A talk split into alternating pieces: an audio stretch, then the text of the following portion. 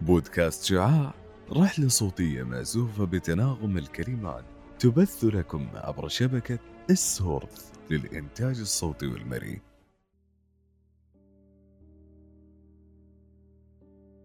أهلا أنا جوري جلال أقدم لكم هذه الحلقة من بودكاست شعاع.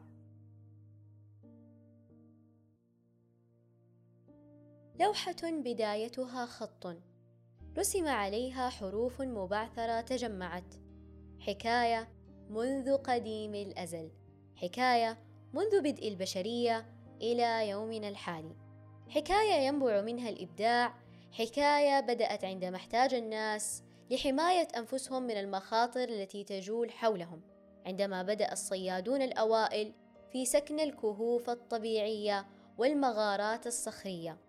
ورعاة الأغنام قاموا بنصب الخيام حكاية عظمى مستمرة إلى يومنا الحالي حيث يرتبط كل عصر بفكر إبداعي معين ويوم يتلو يوم ما زال هذا الإبداع يتجدد وبات أفضل وأفضل كشجرة يجنى ثمارها بعد كل عصر.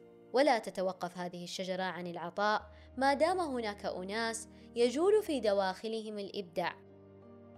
يقول الكاتب فيكتور هوغو فن العمارة هي المرآة التي تنعكس عليها ثقافات الشعوب ونهضتها وتطورها. وبالمختصر العمارة هي الحياة. فلننتقل عبر آلة الزمن إلى العصور القديمة ونكتشف فن العمارة. سننقلكم عبر آلة شعاع إلى عمق تخصص العمارة فكونوا على أهبة الاستعداد.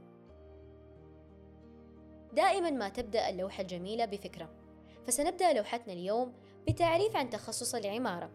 العمارة هي فن وعلم تصميم المباني والفراغات العمرانية لخلق بيئة مبنية لكافة الأنشطة الحياتية. يقوم المعماري بتحويل الاحتياجات اليومية إلى تصميمات ورسومات قابلة للبناء.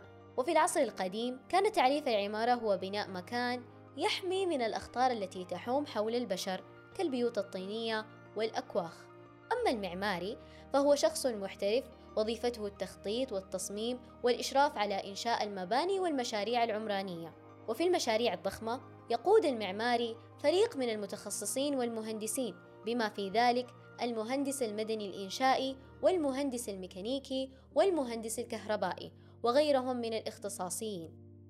ويقع على عاتق المعماري اتخاذ العديد من القرارات المتعلقة بالأمور الجمالية والوظيفية. والثقافية والاجتماعية للمشروع. إذا هناك جزء مهم يتساءل عنه الكثيرون، ما هو دور المعماري؟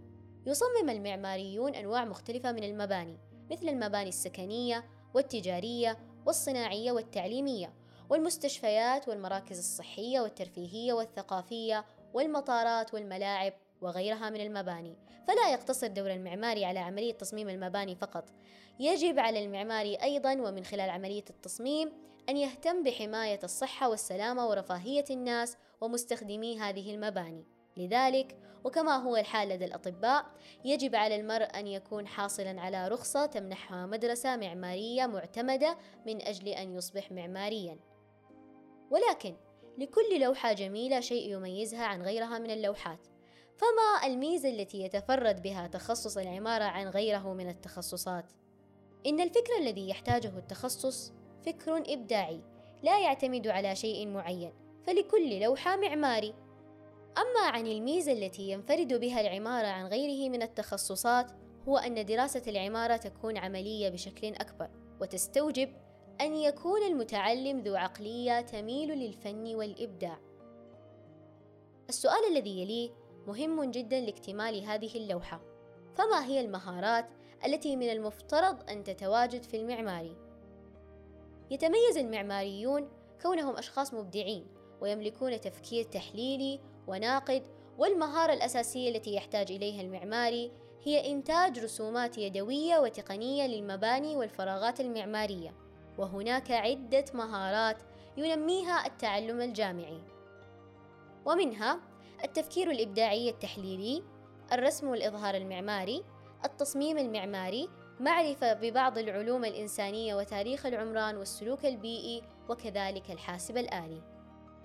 بالنسبة للإيجابيات في تخصص العمارة، فهي تنقسم إلى قسمين، الأول أثناء دراسة هذا التخصص، والآخر بعد الانتهاء من الدراسة. فأثناء الدراسة نجد خلق دائرة إيجابية مميزة ومشاركة الأفكار بين الطلاب وتطوير مهارتي التحليل والنقد. أما بعد الدراسة نجد مجالات متنوعة للتوظيف ولا يوجد مهمة ثابتة ويكون في كل يوم مهمة مختلفة عن اليوم السابق وكذلك عملاء مختلفين بفكر مختلف. من سلبيات العمارة حسب إفادة بعض الطلبة، أولاً الضغط النفسي، وهو الضغط العالي من تسليم أعمال ومشاريع متتالية. ثانياً الصرف العالي، وهو بالحاجة لشراء أدوات هندسية وفنية للقيام بالأعمال، والحاجة لحاسوب يتميز بمواصفاته العالية للقيام بعمل ذو جودة عالية. ما هي الأعمال التي باستطاعة خريج العمارة القيام بها؟ أولاً وضع البرامج المعمارية والوظيفة للمباني. ثانياً وضع الدراسات والتصورات المبدئية للموقع وفكرة المشروع. ثالثاً وضع التصميم المتكامل للمباني والخدمات اللازمة. رابعاً وضع التصورات التنفيذية اللازمة للإنشاء. خامساً استخدام الحاسب الآلي في عمل الرسومات المعمارية وإظهارها وإخراج مقترحات التصميم ودراسات الجدوى الاقتصادية. سادساً التخصص في عمل تصاميم معمارية محددة مثل الفنادق، المدارس، المشاريع السكنية وغيرها. سابعاً وضع الاشتراطات والمواصفات الخاصة بالبناء. ثامناً وأخيراً الإشراف على طرح المناقصات للمقاولين. ومن المحطات المهمة لاكتمال لوحتنا هي المقررات الدراسية التي يدرسها طلبة العمارة. يركز برنامج العمارة في الجامعة على تطوير قدرة الطلبة على تصميم المباني والبيئة المحيطة بها، ويمثل مرسم التصميم جوهر المنهج الدراسي لتخصص العمارة. عادة يتكون برنامج العمارة من سلسلة ما بين ثمانية إلى عشرة مراسم تصميم هدفها تعليم الطلبة كيفية التصميم. يساند مرسم التصميم المعماري مجموعة من المواد الدراسية النظرية والعلمية التي توفر المعرفة اللازمة للطالب لدعم عملية التصميم في مرسم التصميم.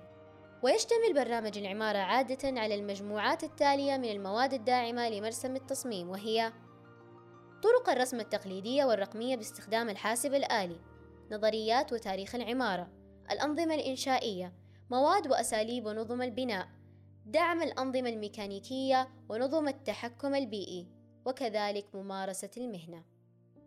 ما هي التخصصات التي يمكن للمعماري أن يختارها؟